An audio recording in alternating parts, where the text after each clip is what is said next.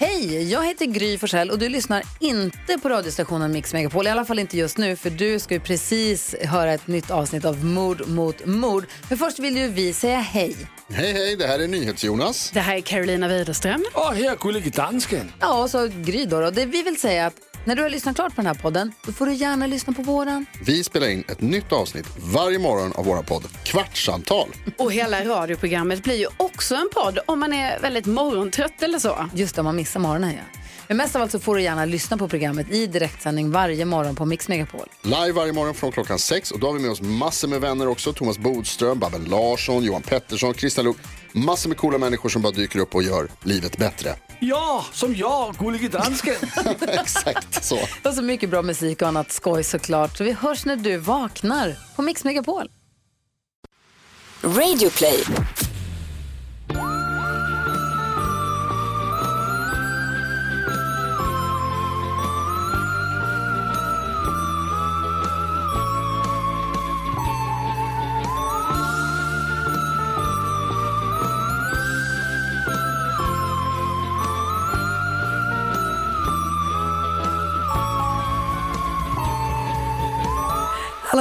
och välkomna till Mord mot mord. Eh, porten där jag, Karin André, iakttar eh, Anna Sandell när hon äter knäckemacka.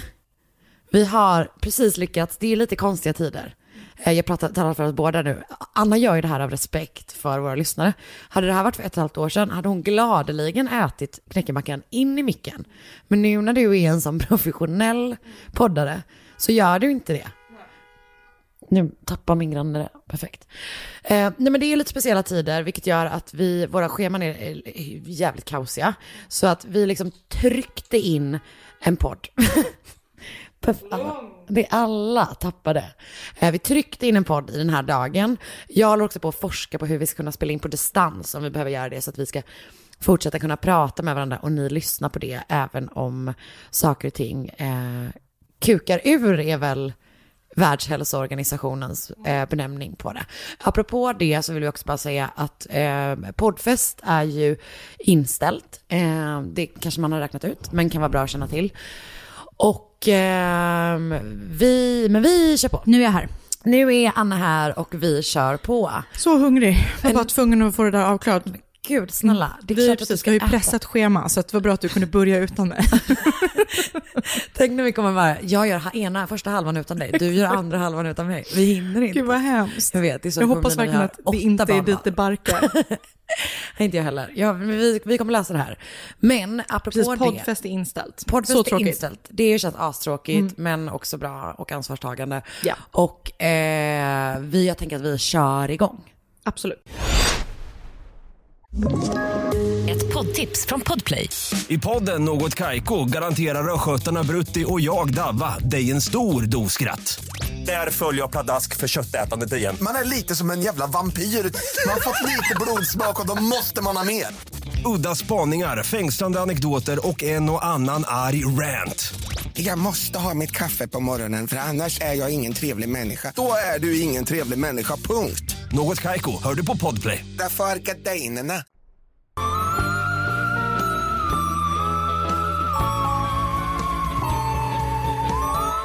Det är dags för ett nytt fruktansvärt fall. Inte riktigt, det är fortfarande våld mot barn i det här. Ja. Eller våld mot bar, som jag Precis. skriva i. Så det är som att jag typ förbereder mig själv på att bli mamma. genom att liksom Läsa, läsa det hemskheter. Vilket är ju, men det, är- det, är Det, ju låter lite- det är ju så du är. Det är lite så att det precis. förvånar mig. Exakt. Så det är positivt. Ja. Eh, men precis, jag tror att jag snöat in mig på det. Så även nu då så vill jag flagga för det. Jag Ja. kommer inte gå in på någonting heller, men då har jag varnat även denna vecka. Bra. Okej, jag börjar. John Sharp föddes i Mornington i Australien den 28 februari 1967. Jag är också i Oh Australien. my god, Ja, ja. we're down under. Så härligt ju. These cases kommer from a land down under. Eh, 1967, 28 67. februari. Ja. Han växte upp i den här staden Mornington och jag vet egentligen ingenting om hans uppväxt mer än, eller därför Mm. utgår jag från att den var normal. ja. Det var typ ingenting. Exakt. Eh, han har säkert pluggat någon slags ekonomi, för han, eh, som vuxen så börjar han jobba på bank. Just det. Eh, och han jobbar på banken då, Commonwealth Bank of Australia. Eh, det var också på den här banken som han till slut träffar en kvinna som ska bli hans fru. Eh, en kollega vid namn Anna Kemp. Anna är född i New Zealand, som det heter på svenska. Gud, töntigt. Jag skäms alltid när man råkar göra sådana där saker. Nya Zeeland. Och hon har då flyttat till Australien som vuxen och till staden Mornington och då har hon också tagit jobb på banken. Okej. Mm. Där träffas de. Och det som då börjas i någon slags office romance utvecklas till kärlek och de gifter sig 1994. Och trots att eh, de bara varit ett par i typ något år innan, eller kanske just därför, så är hon, hon det verkar som att Anna inte är helt nöjd med sitt beslut att gifta sig eh, med John.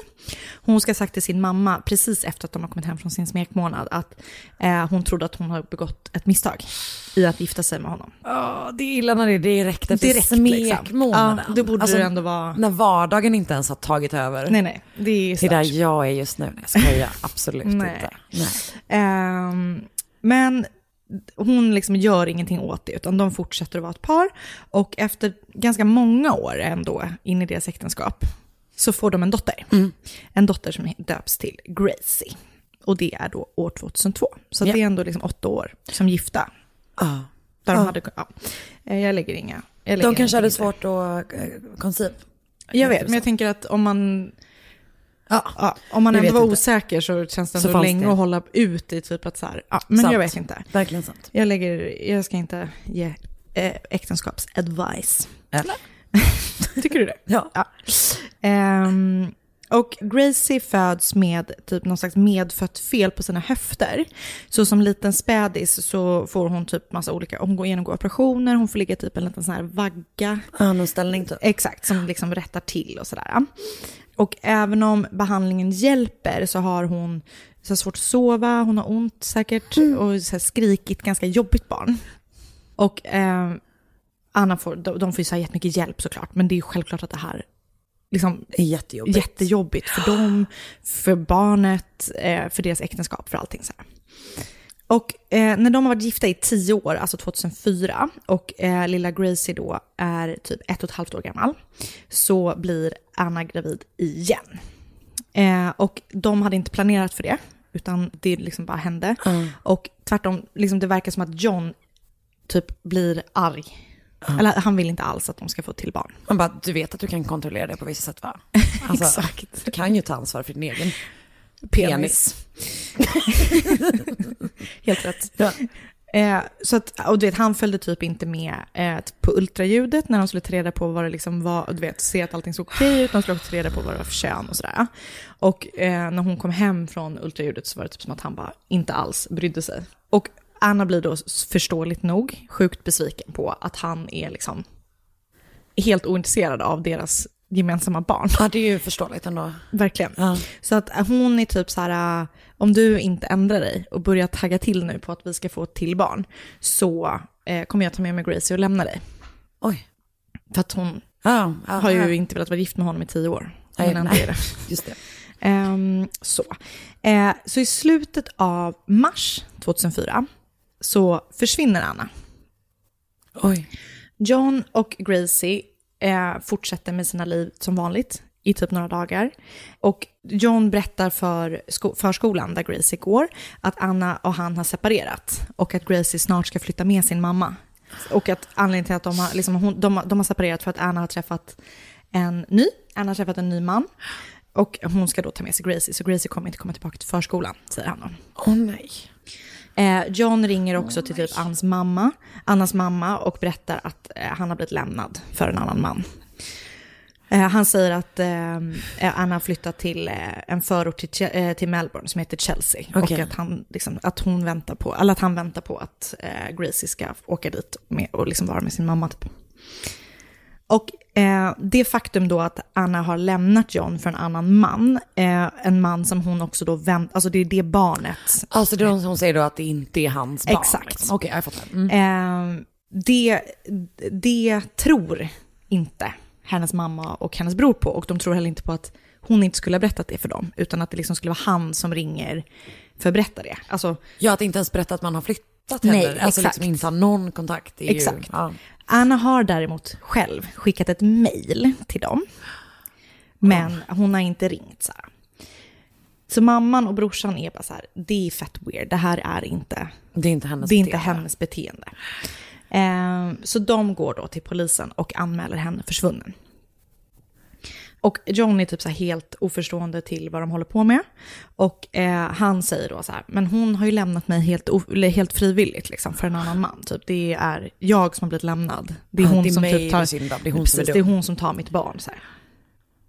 så att efter att då Anna har blivit anmäld försvunnen av sin mamma och bror så börjar polisen liksom titta närmare på vad så här, okej, har hon dragit liksom? Vad är det som har hänt med henne? Eh, och eh, precis, för då är också, eh, då är, då är det både Anna och Gracie som är borta.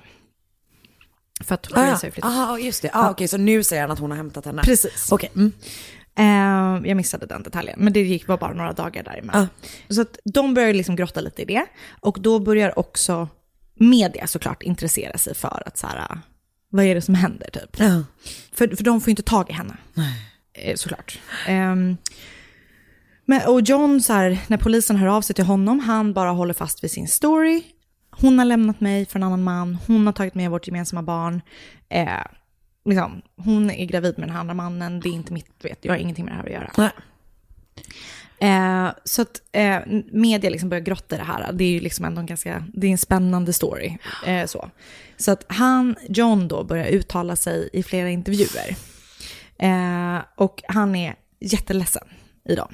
Och vädjar om att, eh, liksom, att Anna ska ge sig själv till känna. Så typ i en intervju säger han så här. Anna, our marriage may be over, but I still love you, and you're the mother of our beautiful daughter Gracie, whom we both adore more than anyone else. My biggest fear is being denied a part of Gracie's future. Så han vädjar då också, typ så här, han vädjar till henne att hon ska så här, komma fram och typ bara så här, jag vill i alla fall ha kontakt med vårt barn. Men Eh, också man bara, men du sa inte, varför sa du inte här när hon var och hämtade henne då? Exakt. Alltså, det är ändå, han borde ha någon slags kontakt med henne uppenbarligen. Precis, det Ja. kan man ju verkligen tycka. Ja. Eh, och han vädrar också då att om någon vet typ var Anna och Gracie befinner sig eh, så ska de också kontakta fråga, honom. hur bra skådespelare är han? Jag har inte sett det. Ah, vi måste, vi Ja. måste hitta det. Jag har bara sett bilder och läst. Jag känner att det kommer vara stelt. Antagligen inte bra. Nej, jag tror inte det. I maj 2004, typ två månader efter att Anna försvunnit, så eh, liksom sträcker polisen i Nya Zeeland ut en hand till polisen i Mornington och är så här, kom igen nu, liksom, vi lägger i ännu en växel. Vi måste veta vad som har hänt med henne. Uppenbarligen så är hon Just för hon kom från Nya Zeeland, ja. Ja. eller som du brukar säga. New Zealand.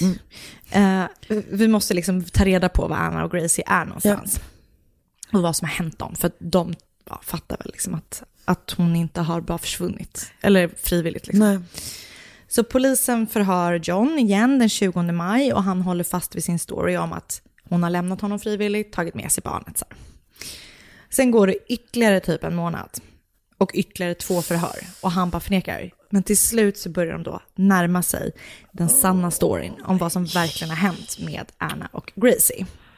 Så den 22 juni så plockar polisen in John igen och i det liksom förhöret så, eh, fort, första förhöret den dagen så kör han på samma story. Men så får han typ prata med sin familj. Och efter att han har gjort det så är han så här, okej, låt mig berätta vad som verkligen har hänt. Och det som han berättar är sjukt hemskt. Eh, för en kväll i mars så har John och Anna börjat bråka. Eh, något som de typ verkar ha gjort ganska ofta. Så när Anna gått och lagt sig eh, så går John ut i garaget och hämtar sitt harpungevär.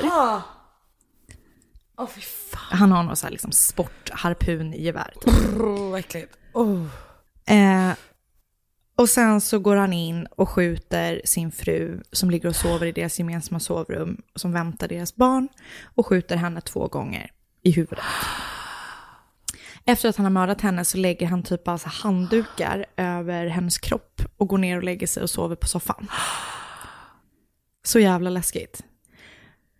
Dagen efter att han har mördat Anna då, sin fru, så fortsätter han med sitt liv som att typ ingenting har hänt. Han tar med Gracie till eh, förskolan och lämnar henne där, han hämtar henne där.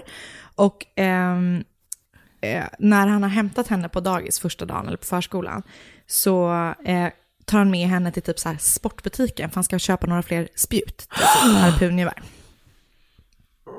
Och allt det här gör han medan hans fru ligger hemma död i deras säng. Så skitläskigt. Kvällen efter han har eh, mördat Anna, alltså en- ett dygn efter, så har han en eh, typ en tv-reparatör eller typ någon slags hantverkare hemma. Och då blir han, liksom, det är först då han bara så här, shit, jag har ju fan mördat en person som ligger här uppe. Så då blir han liksom rädd att han ska bli påkommen. Så den natten så begraver han eh, Annas kropp i deras trädgård. Ehm, och några dagar då, eh, efter att han har mördat Anna, så eh, sitter han och dricker whisky cola. Tönt. Verkligen. Eh, Också störig snubbe. I sitt kök. Eh, och efter att han har druckit några glas så går han också upp och mördar lilla Gracie. Eh, efter att han har mördat Gracie så gräver han upp Annas kropp. Och sen så, eh, det här är, oh gud, ja, sen så han styckar den. Och sen tar han med Annas kropp, Gracies kropp och harpungevären, geväret och även de här spjuten till typ en återvinningsstation. Mm, eller typ en, ja, typ någon typ tipp. tipp liksom. Eh, där han dumpar liksom. Det här är helt sjukt. Mm. Och sen börjar han då den här kampanjen där han försöker övertala folk om att han då har blivit lämnad. Och som tur var gick det ju inte. Eller det gick ju ett tag i och för sig, men några månader. Men. Så det tar ett tag för polisen att hitta Anna och Gracies kroppar eftersom den här återvinningsstationen, eller den här tippen då, i sin tur körde vidare det till här soptipp typ. Eh, så polisen Så jävla fick... ovärdigt. Jag vet, det är så jävla... så- Ah. Förstår du att göra så mot sin Och när man har familj? levt med, med ens barn, med ens... Ah, Eh, men, så att det tar ett tag, men de, de så här finkammaren, de är liksom helt bestämda på att de ska hitta. Och till slut så hittar då både Gracies och Annas kroppar. Eh, John berättar för polisen när han erkänner att han har tänkt länge på att han vill döda Anna. Eh, innan han till slut gjorde det. Han sa att han ville få ett slut på deras kärleksrösa relation. Och att Anna var en tjurig och kontrollerande fru. skilj dig. Exakt. Han säger också att eh, det var hon som, min, min hat, mitt hatuttryck, bar byxorna i deras relation. eh, och när han fick frågan om varför han hade mördat Gracie så kunde han typ inte riktigt svara på det. Utan han sa att det var ett helt irrationellt beslut. Annas Du, familj... man bara, för det var inte det andra mordet. Nej. Ah, Gud, alltså. Annas familj däremot eh, är ganska övertygade om att motivet på båda morden eh, var att Anna ska ha kommit på John med att begå övergrepp på deras barn, alltså på Gracie. Och att han då först har mördat Anna och sen Gracie, för att han har gjort det. Eh, Det är vad hennes familj tror. Ja, för det finns nämligen, ja, John har nämligen dömts för övergrepp mot barn 20 år tidigare. Men det är ingenting som bekräftar att han inte erkänt det, men det är hennes familjs eh, starka teori. Den 5 augusti 2004 så erkände sig John skyldig för morden på Anna och Gracie. Han fick en do- dom på två livstidsfängelse. Ehm, och han måste sitta minst 33 år av dem innan han kan få chans till villkorlig frigivning. Eh, och han har han är superhatad i fängelset. Ja, Eh, det kan verkligen. Det kan, och det kan han ha. Ja, det kan han definitivt Men han sitter isolerad ha. jättemycket. Ah. För att alla andra fångar typ fucking hates him. Så det var eh, morden på Anna och Gracie Kemp. Det var jättehemskt. Jättehemskt, jag vet. Jag blev helt tagen. Det är... ah. Och eh, jag har varit på Wikipedia. Jag har läst eh, en Ranker-artikel Ja. som heter Sharp Family Slaying Facts. Eh, och ehm, en artikel på SMHI. eh, som är en australiensisk sajt som heter I killed wife and daughter with spare gun husband. Är det mordvapnet knäcker mig. Jag vet, det är för jävla läskigt. Så jag ska försöka ta något lättare nästa gång. Jag lovar. Nu blir det, då blir det repeat Carmencita Rockefeller. Får jag det? Gud ja, snälla, varje dag. Okej, jag ber om ursäkt. Nej, nej Tack du, snälla. ta- Tack ska du ha. Ett poddtips från Podplay. I fallen jag aldrig glömmer djupdyker Hasse Aro i arbetet bakom några av Sveriges mest uppseendeväckande brottsutredningar. Går vi in med hemlig telefonavlyssning och, och då upplever vi att vi får en total förändring av hans beteende. Vad är det som händer nu? Vem är det som läcker? Och så säger han att jag är kriminell, jag har varit kriminell i hela mitt liv men att mörda ett barn, där går min gräns. Nya säsongen av Fallen jag aldrig glömmer på Podplay.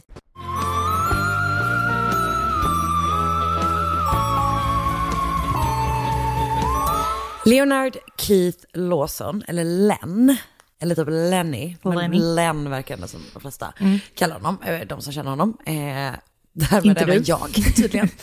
Han föddes 1927 i Wagga Wagga i New South Wales, Australia. Jag älskar Australia. Du är lika töntig som jag. Verkligen, det är sen gammal. Eh, jag älskar Australien för att de har sådana typer av namn. Wagga Wagga. Ja. Hans mamma heter Eileen och hans pappa heter Keith. De gifte sig redan som 18-åringar. Eh, han var deras första barn. Keith var lite känd i Wagga Wagga. För han var en väldigt bra boxare. Okej. Då kallades han eh, för The Wagga Wonder Walloper. Okej, starkt. Jag kommer påminna om det sen när den här historien blir fruktansvärd. Bra. The Wagga Wonder Walloper. Okej. Som barn spåddes Len en superbra framtid. Han var smart, han var härlig, han gick, det gick bra i skolan, bla bla bla. Men framförallt så var han väldigt bra på att måla. Han var jätte, jätteduktig på att rita. Han var väldigt förtjust i serietidningar och liksom började då typ rita egna serier väldigt, väldigt ung. Och ehm, någon gång då i början av 1940-talet så har hela familjen Lawson, jag vet inte om han har syskon, skitsamma, flyttat till Manly som också ligger i New South Wales, strax norr om Sydney. Alltså det är precis- jättefint. Ja, Ja. Mm. ja, du har varit Jag har där? varit där. Ja, det är, vad är det? Är det the Northern Beaches? Det kanske det är. Kan vara det. Ja. Det är någon slags halvö lite grann, Ja, sticker ut, eller det, det, man tar båt dit.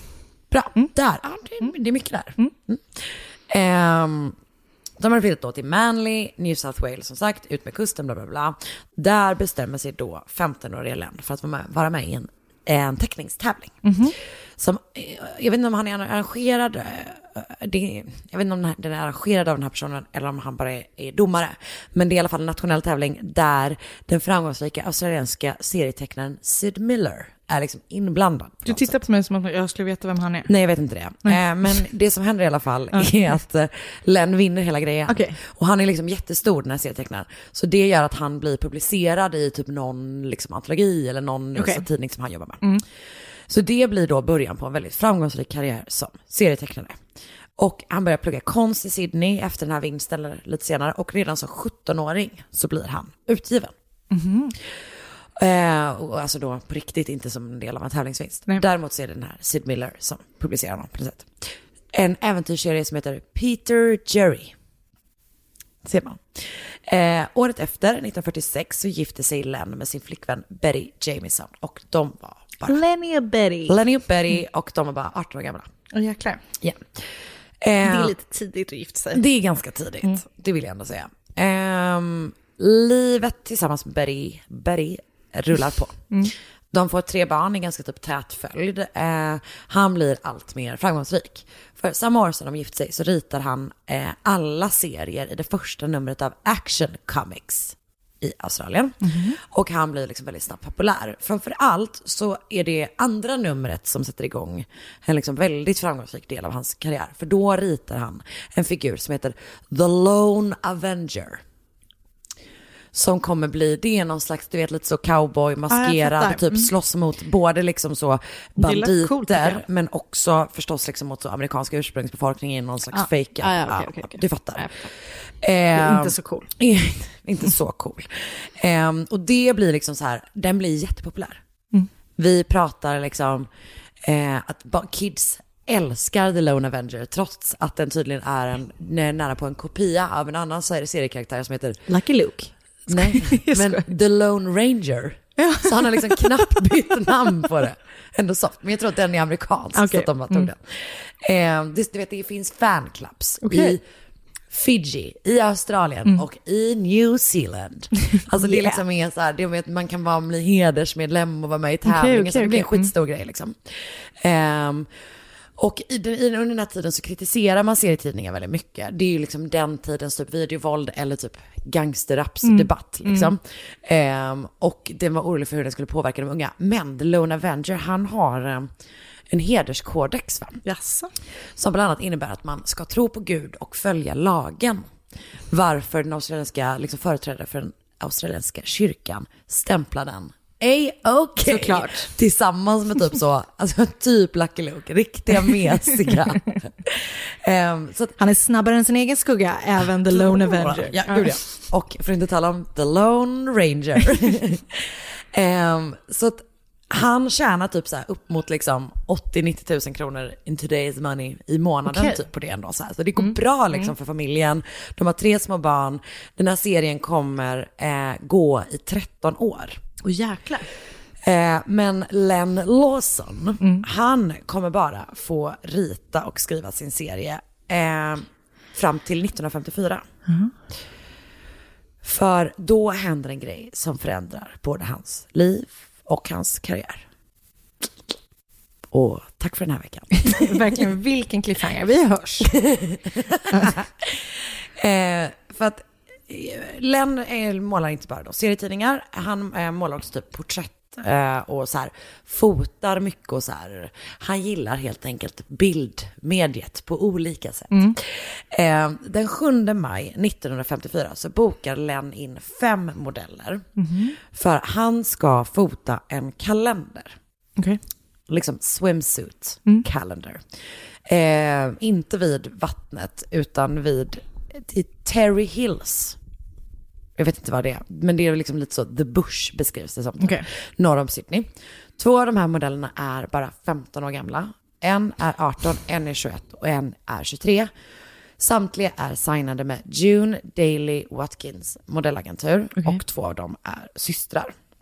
Jag tror att det inte har publicerats några namn Nej. på dem. Liksom, så att, Ehm, och när de kommer dit då så börjar han liksom så här ta lite bilder på dem i typ badkläder liksom, vilket är typ vad de förväntade sig, så det är ingenting de reagerar på. Och flera av de här modellerna har jobbat med honom tidigare också. Så de känner honom lite grann så här. Men sen då förändras situationen, för Len säger plötsligt att så här, han bara, när den här kalendern kommer ut så kommer jag inte längre vara i livet. För jag har cancer. Och eh, jag eh, har kommit fram till att jag, eh, jag klarar inte av det här lidandet längre. Utan jag vill avsluta mitt eget liv. Okej. Och sen plockar han fram ett avsågat hagelgevär. Nej. Ja. Och börjar liksom rikta mot sitt huvud. Och de här tjejerna är så här, de vet, får total panik och bara bönar och ber. Så här, bara, nej, nej, gör inte det här liksom. Eh, de är liksom, ja, men du vet, gråter och skriker och verkligen ber honom att inte, att inte göra den här fruktansvärda saken liksom. Ehm, och plötsligt då så vänder han vapnet mot dem. Och säger till dem att lägga sig ner på mage Okej. med händerna bakom ryggen. För han vill binda dem för att de inte ska kunna hindra honom när han då ska Gud vad läskigt. Jag vet, fruktansvärt obehagligt alltihopa. Så de gör liksom det och nu är de inte bara rädda för, typ, för att han, någonting ska hända honom utan att han är på väg att liksom mörda dem. Han säger också typ så här, han bara, jag kommer vilja göra det här, jag kommer vilja eh, skjuta mig själv och jag bryr mig inte om jag råkar skjuta några av er in the process. Typ. Men han skjuter inte sig själv. Nej. Han skjuter heller inte de här tjejerna. Okej. Utan eh, han börjar våldta dem. Han våldtar två av dem. Eh, försöker våldta en tredje och sen så här sexuellt ofredar han de sista två. Och när han är liksom klar med det eh, så är det typ som att det liksom inte har varit någon konstig grej. Utan han typ betalar dem deras ersättning och sen kör han dem tillbaka in till stan. Men skämtar du? Ja, eh, nej. Nej, jag skämtar inte. Hur ska du ha det? Eh, nej, eh, det är Anna. Det är, ja. Ehm, och då är det typ att en, en av tjejerna är så här, hon bara, du jag skulle behöva typ köpa en grej ehm, från apoteket, så skulle vi kunna typ stanna här bara. Mm. Han bara absolut, så gick hon in, lånade en telefon och ringde sin mamma och ringde polisen och sen grips han på parkeringsplatsen utanför. Men gud. Så du vet, det är som att han inte fattar, alltså som att det, är så- inte är något konstigt gud, typ. vad konstigt. Eh, den här rättegången som börjar någon månad senare, den är, blir superuppmärksammad såklart. Alltså du vet så här, den här otroligt framgångsrika serietecknaren som har varit en idol för liksom australienska barn över hela landet. Så här, nu har han begått det här fruktansvärda brottet liksom. Mm. Ehm, så att det är liksom superuppmärksammat, det är fullt i rättssalen hela tiden. Och ehm, under den här rättsprocessen så liksom försvaret för honom då, ehm, de kommer ju förstås liksom då tvinga de här eh, tjejerna att berätta sina sexuella historier. Mm. Eh, alltså, det Jag fattar. Du fattar? Ja. Vad heter Eh, det? det är bakgrund, typ, Ja, eller exakt. de- ja. ja. precis. Eh, de eh, måste förstås försvara varför de inte protesterade mer. Mm. Man bara, han hade ett avsågat hagelgevär och Alltså, hade bakbundit dem. Jag vet, det är så jävla stört. Alltså så som, det som gör en så jävla arg och som typ fortfarande pågår. Mm. Ehm, och han säger då att det inte rör sig om våldtäkt utan att de har liksom kommit överens om lite så bondage play. Bara, Ofta att det är typ en 15-åring har gått med på det Ja, med ja. dig, din snuskgubbe. Ah, nej, nej, verkligen. Ehm, så han säger typ att det som han eh, har gjort sig skyldig till och som det enda som han liksom har dåligt samvete för, det är att han har brutit sitt löfte till sin fru. Mm. Men alltså det är liksom, eh, ja, du fattar ju Jag vilken fattar. typ av rättegång det är. Men det som är ovanligt med den här domen, eller med den här rättegången, är domen. För efter en mycket kort överläggning så döms eh, han alltså till döden. Aha. Eller juryn kom fram till att han är skyldig och domaren bestämmer att han ska dömas till döden. Och det är första gången på typ 50 år Mm. som någon döms till döden för våldtäkt i Australien. Det är liksom verkligen inte Men så standard, gud. det är jätteovanligt. Eh, så han sitter inne, Betty lämnar honom, tar med sig barnen, eh, flyttar någon annanstans liksom. Han försöker då få rita The Lone Avenger på fängelset. Han får inte det. Nej, bra. utan någon annan, Mm. någon annan tecknare får ta över. Ehm, och, men till slut så eh, tar man bort dödsstraffet i hela New Mm. South Wales. Och då omvandlas förstås hans straff. Och det omvandlas till 14 års fängelse. Okej, väldigt konstigt. Extremt märkligt. Från Mm. dödsstraff till 14 års fängelse. Och han beter sig förstås superbra i fängelset. Ja. Ehm, han är en eh, drömfånge. Mm. Vilket gör att han alltså släpps efter sju år. Va? Är inte det så jävla konstigt? Döms till döden, omvandlas till 14, sitter i sju. Och sen släpps han ut den 24 maj Fy 1961. fan vad konstigt. Han är också liksom bara 31, 34 år gammal då. Alltså det är inte liksom... Jävlar, vad sjukt. Ehm, så att han har då hittat Gud. I Ja, fängelset ja, ja, ja. förstås. Mm. Han är en n- helt ny man. Han Mhm. målar mycket religiösa mot- eh, motiv. Liksom. Han är också väldigt dedikerad sin tro. Mm. Eh, han bor i Collaroy, norr om Manly. Har du varit där? Nej. Nej, nej okej. Eh, där han då hyrt en lägenhet liksom, Mm. här, med hjälp av pengar från sin mamma tror jag. Och vid sidan av sina liksom, kristna målningar, sina kristna motiv, så målar han också vanliga porträtt. Och en person som han då målar av är en flicka som heter Jane Bauer. Mhm. De träffas i september 61, alltså han kommer ut 24 maj. Det här är september. Okej. Och det beskrivs som att så här, den här 34-åriga mannen befriended den här 16-åriga tjejen. Nej. Man bara, nej nej. Det är inte det. Fullvuxen kär Mm. vill inte hänga med dig på det Nej. sättet. Det är inte vad som händer här. Eller det är, nej. Det är fan inte det. Nej. Äh. Ehm, så att han, men han lär också känna henne, det här tycker jag är så jävla obehagligt när, när liksom eh, den här typen av eh, predator gör, Mm. att de lär känna hennes familj. Ja, skitläskigt. Att han är liksom, han blir en, liksom en um, pålitlig vän till Men det familjen. är som den där uh, abducted in plain sight. Ja, exakt. Alltså det är så läskigt. Ja, det är fruktansvärt obehagligt verkligen. Så han blir liksom en del av det så här och de börjar typ umgås lite grann allihopa. Len målar liksom av Jane vid flertal tillfällen. Och eh, den 6 november samma år, som sagt, typ fyra månader Mm. efter att han blev släppt, så plockar Len Lawson upp Jane efter hennes jobb. Hon jobbar extra i typ en så konstnärsbutik. Typ. Okej. Så efter jobbet vid typ klockan fem så plockar han upp henne där. Eh, sen åker de och hämtar upp hennes mamma vid hennes jobb. Åker hem till familjen, alltså Janes familj. Där äter de middag allihopa tillsammans. Och sen så åker Jane och Len till hans lägenhet för att han ska måla av henne typ. Don't do it. Nej, nej det är, nej. Och det, ja, men, men som sagt hela den här familjen, han är liksom... Så, Det är så konstigt. Jag vet, han har precis varit och ätit middag med dem. Fy fan Ja, vad läskigt. fruktansvärt obehagligt. Och i lägenheten då så försöker den här 34-åriga mannen ha sex med den här 16-åriga flickan. Eh, hon är tydlig med att hon inte alls är intresserad av det. Liksom. Och då så slår han henne istället i huvudet med en socka full av sand. Aj. Eh, sen binder henne, våldtar henne och mördar henne. Fan. Och efteråt skriver han “Forgive me God” på hennes överkropp i eyeliner. Skämtar du? Jävla psykopat. Fan. Ja, men också man bara, ah nej, Ja, jag vet, det är frukt. Också, Gud vill inte ha dig. Nej. Om han finns, vilket jag inte tror han gör. Men han, alltså man bara, det, det är inte så, det, Nej. ja. Det är väl lite så det funkar inom katolicismen. Lite. Men jag tror inte att man kan gå så långt. Ehm, han lämnar lägenheten och drar. Samma kväll så eh, åker hennes föräldrar till hans lägenhet för hon har inte kommit hem. Och de vet inte vart hon är. Och det är ingen där. Dagen efter är de tillbaka igen, morgonen efter eh, kommer de tillbaka och då bryter de sig in i lägenheten. Och så hittar de sin dotter där. Ja, jag vet, det är fruktansvärt. Men han är ju då borta. Det här är vad han har gjort. Han har liksom kört inåt landet, tillbringat natten i sin bil. Där han har skrivit brev till sina föräldrar och berättat då att han tänker avsluta sitt liv. Okej. Bland annat skriver han I have done a shocking and dreadful thing. Whatever this monster that moves into my body is, it did, it did it with a vengeance this time. Okej. Men nästa steg Han i Len. Lawsons liv, inte självmord. Eh, utan ett gisslandrama. Men gud. Är inte den här historien helt... Helt störd. Jag vet. För morgonen den 7 november, alltså strax efter att stackars Jane Bowers familj hittat henne, så kör han till Church of England Grammar School.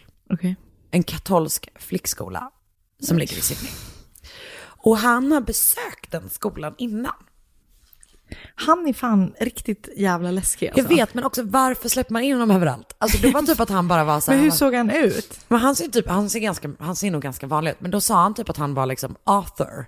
Mhm. Eh, men så att han hade bara gått till den skolan och varit så här, hej hej, jag är lite, alltså typ så här, jag, får jag komma och kolla lite hur ni har det? Och deras typ någon lärare bara, absolut, välkommen in. Han hade varit där flera gånger typ. Fy fan vad läskigt. Det är så jävla Mm.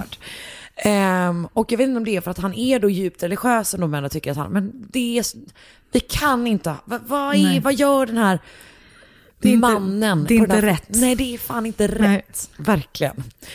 Han har, när han går in i den här skolan, med sig vapen, alltså skjutvapen, rep i liksom färdigbundna, typ kortare liksom s- bitar Läskigt. och massor av ammunition. Han går in i skolans kapell vid nio på morgonen och där möter han Jean Turnbull som är rektor. Och hon är där med 150 elever och några andra lärare också tror jag. Men det är 150 elever i den här byggnaden, eller i den här lokalen. Han säger att han tänker hålla dem gisslan där till klockan 12 och om någon försöker något så kommer han börja skjuta. Sen berättar han att hans krav, eh, alltså för det han vill ha ut av den här situationen är att han vill ha kontakt med tre personer. En nunna som hälsade på honom tidigare i fängelset. Löparen Marlene Matthews, som var liksom aust- australiensisk olympisk löpare, sprinter. Och även Tanja Verstock, som var Miss Australia här tiden. Man bara, okej, absolut. Spretig blandning. Ja, verkligen. En som, har, en som står för Gud, en som kan springa fort och en, Och en som är snygg. Ja, exakt. Och kanske mycket mer. Ja. Mm. ja ver- verkligen. Men jag vet inte om han såg de här personerna Nej. för hela deras personligheter. Liksom. Han skriver ner det här på en lapp och säger typ till någon i personalen så här, ge det här till polisen. Han säger också liksom att så här, om polisen kommer i närheten av skolan så kommer jag börja skjuta. Samtidigt försöker Jean Turnbull också få kontakt med omvärlden. Så hon får ut en lapp genom ett fönster typ. Eh, där hon förklarar situationen och liksom ber om hjälp. Och sen så ber hon Len Lawson att vara så här, hon bara, kan du inte bara typ skjuta mig eller någon annan av personalen? Eller, alltså, och, och, Eller inte. och andra, Mm. alltså hellre än flickorna typ, Ah, för de ah. har liksom hela livet framför sig. Vi har ändå hunnit leva typ. Mm. Men grejen är att Len ser hur polisen börjar så omringa byggnaden. Och eh, han säger, here comes the police, now I'm going to start shooting. Nej. Oj. Och sen gör han det. Men fy. Och när han gör det så kastar sig Gene Turnbull över honom och börjar liksom wrestle him för pistolen. Nej. Så var hon de- rektor i skolan? Ja, exakt. Bra rektor. Ja, nej, alltså grym. Hon liksom bara hålla, på att kriga som fan för att få loss den här, liksom, det här vapnet från Men honom. fy. Han skjuter av fem skott innan hon får ut den och då har polisen slagit Men ingen blir träffad? Vi kommer till det. okej, okej. Då har polisen slagit sönder en ruta. Mm. Så hon kastar alltså ut hans vapen genom en sönderslagen ruta. Hon är, hon är cool. Ja, nej men verkligen. Hon får också typ utmärkelse Mm. för det här. Ehm, och sen då så grips Len Lawson. Men Okej, jag visste det. en person har blivit skjuten av hans skott. Okej. Och det är 15-åriga eleven Wendy Luscombe som har blivit skjuten i bröstet. Ja, puh. Och avlider. Ja, hon, jag tror att hon dör där. Liksom. Och under rättegången, och den här rättegången gäller mordet på Jane, Mm. eh, inte liksom det andra typ. Då säger han och, han, han och hans advokater att han inte varit tillräcklig under den här tiden för mordet. Nej. Men juryn liksom köper inte. Så de överlägger alltså i 17 minuter Mm. innan han kommer fram till att han är skyldig och han döms då till livstidsfängelse. Och på grund av det så ställs han aldrig till rätta för gisslansituationen i skolan eller mordet på Wendy. Nej. Nu är vi, eh, han är då som sagt eh, tillbaka i fängelse, det är 1962. Eh, han beter sig super, super bra igen. Under många år, fram tills 1972, så tio Okej. år senare. Då är det en konsert i det här fängelset. Mhm. Och efter konserten så är det liksom en liten mixer. Jag vet. Ehm, och då är det alltså... Undrar vad de fick. För, um, För snacks, liksom. Just det. Sån yellow drink som Typ. hon i uh, Pensatucky i Orange is the New Black serverar. Ehm, nej men, och han, har, han målar ju väldigt mycket. Mm. Så i den här lokalen så är det liksom väldigt mycket så porträtt liksom, som han har målat. Typ. Okej. Och en dansare som har dansat med på den här spelningen eh, är då 23-åriga Sharon Hamilton. Hon står typ och kollar på det Nej. liksom, och är så här, bara, ah, vad, vad, vad fint det är typ. Och de har lite interaktion och sen ska han gå upp och hålla ett tacktal. Men istället då för att liksom bara gå upp och göra det så tar han fram en kniv. Och tar liksom tag i Sharon. Och sätter kniven mot hennes hals. Och är så här, eh, alltså du vet, och säger liksom att, att alla andra måste gå. Jag stannar här med henne. Men här är det inte bara Gene Turnbull på egen hand. Här är ju han ju i ett rum fullt med andra fångar Ja. som kastar sig över honom. Nej. Och liksom brottar ner honom och får bort den här kniven. De hittar en till kniv på honom också, de får bort det med. Och det enda, hon får liksom lite så här, ja men, Mm. småsår Mm. liksom.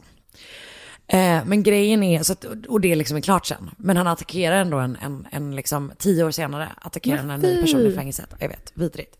Men Men då, det gör att han sitter där ordentligt. Ja, exakt. Men hon får sån jävla PTSD av det här.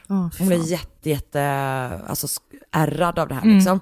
Och det gör att hon tillbringar två år på typ ett fruktansvärt mentalsjukhus som är fy. jättekänt i Australien som jag funderar på om jag ska göra kanske en annan gång Ja. på den. För att det lät verkligen jättehemskt.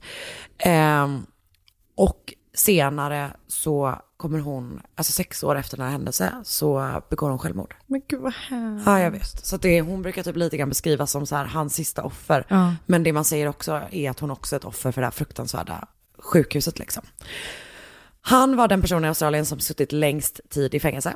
Mm. Eh, han försöker få villkorlig frigivning, du vet det är så här snäll gammal gubbe. det funkar inte. Nej. Både hans gamla offer och även Wendys bror är typ supervokala om att liksom, eh, att, att han absolut inte får göra det. Han sitter typ och säger, jag, vill, jag är en gammal gubbe, jag vill bara känna fuck gräset under mina fötter Ja. en gång Nej. till. Nej, du får inte det. 20, 29 november 2003 så dör Leonard Keith Lawson i fängelset. Och han blev 76 år gammal. Fan vad störd historia. Vad många, vad många olika historier i en. Liksom. Jag vet, du trodde ju bara att du skulle få höra om en framgångsrik serietecknare för en gångs skull. Precis. Så han brukar kallas för the comic book killer. Ja. Mm. Och jag har fått massor, massor av information från en artikel från news.com.au med rubriken The brutal true story of Australia's sadistic comic book killer, skriven av Michael Adams, från en artikel av Jeff Sparrow, Jacks bror. På The Monthly med You rubriken... funny. Tack. Len Lawson, Australia's most infamous comic artist, och från The Daily Telegra- Telegraphs artikel Artist Leonard Lenny Lawson Bushland Rape Case Enthralled Sydney. Samt, den är skriven av Maria Donnelly, samt från Facebook-sidan The Life and Crimes of Leonard Lawson Comic Book Artist. Bra. Så det var allt för den här Fan veckan. vad stört. Ja visst är den eh, extremt eh, märkligt alltihopa. Och Bra hemskt, jobbat. Fruktansvärt. Verkligen hemskt. Eh, tack till er, bra jobbat även ni som har lyssnat. Tack snälla. Eh, vi, Keep up the good work. Verkligen, ni gör det utmärkt. Eh, Vi hörs. Vi hörs nästa vecka och ha det bra. Hej! Ett poddtips från Podplay. I podden Något Kaiko garanterar östgötarna Brutti och jag, Davva, dig en stor dos skratt. Där följer jag pladask för köttätandet igen. Man är lite som en jävla vampyr. Man har fått lite blodsmak och då måste man ha mer. Udda spaningar, fängslande anekdoter och en och annan arg rant. Jag måste ha mitt kaffe på morgonen för annars är jag ingen trevlig människa. Då är du ingen trevlig människa, punkt. Något Kaiko, hör du på Podplay. Därför är gardinerna.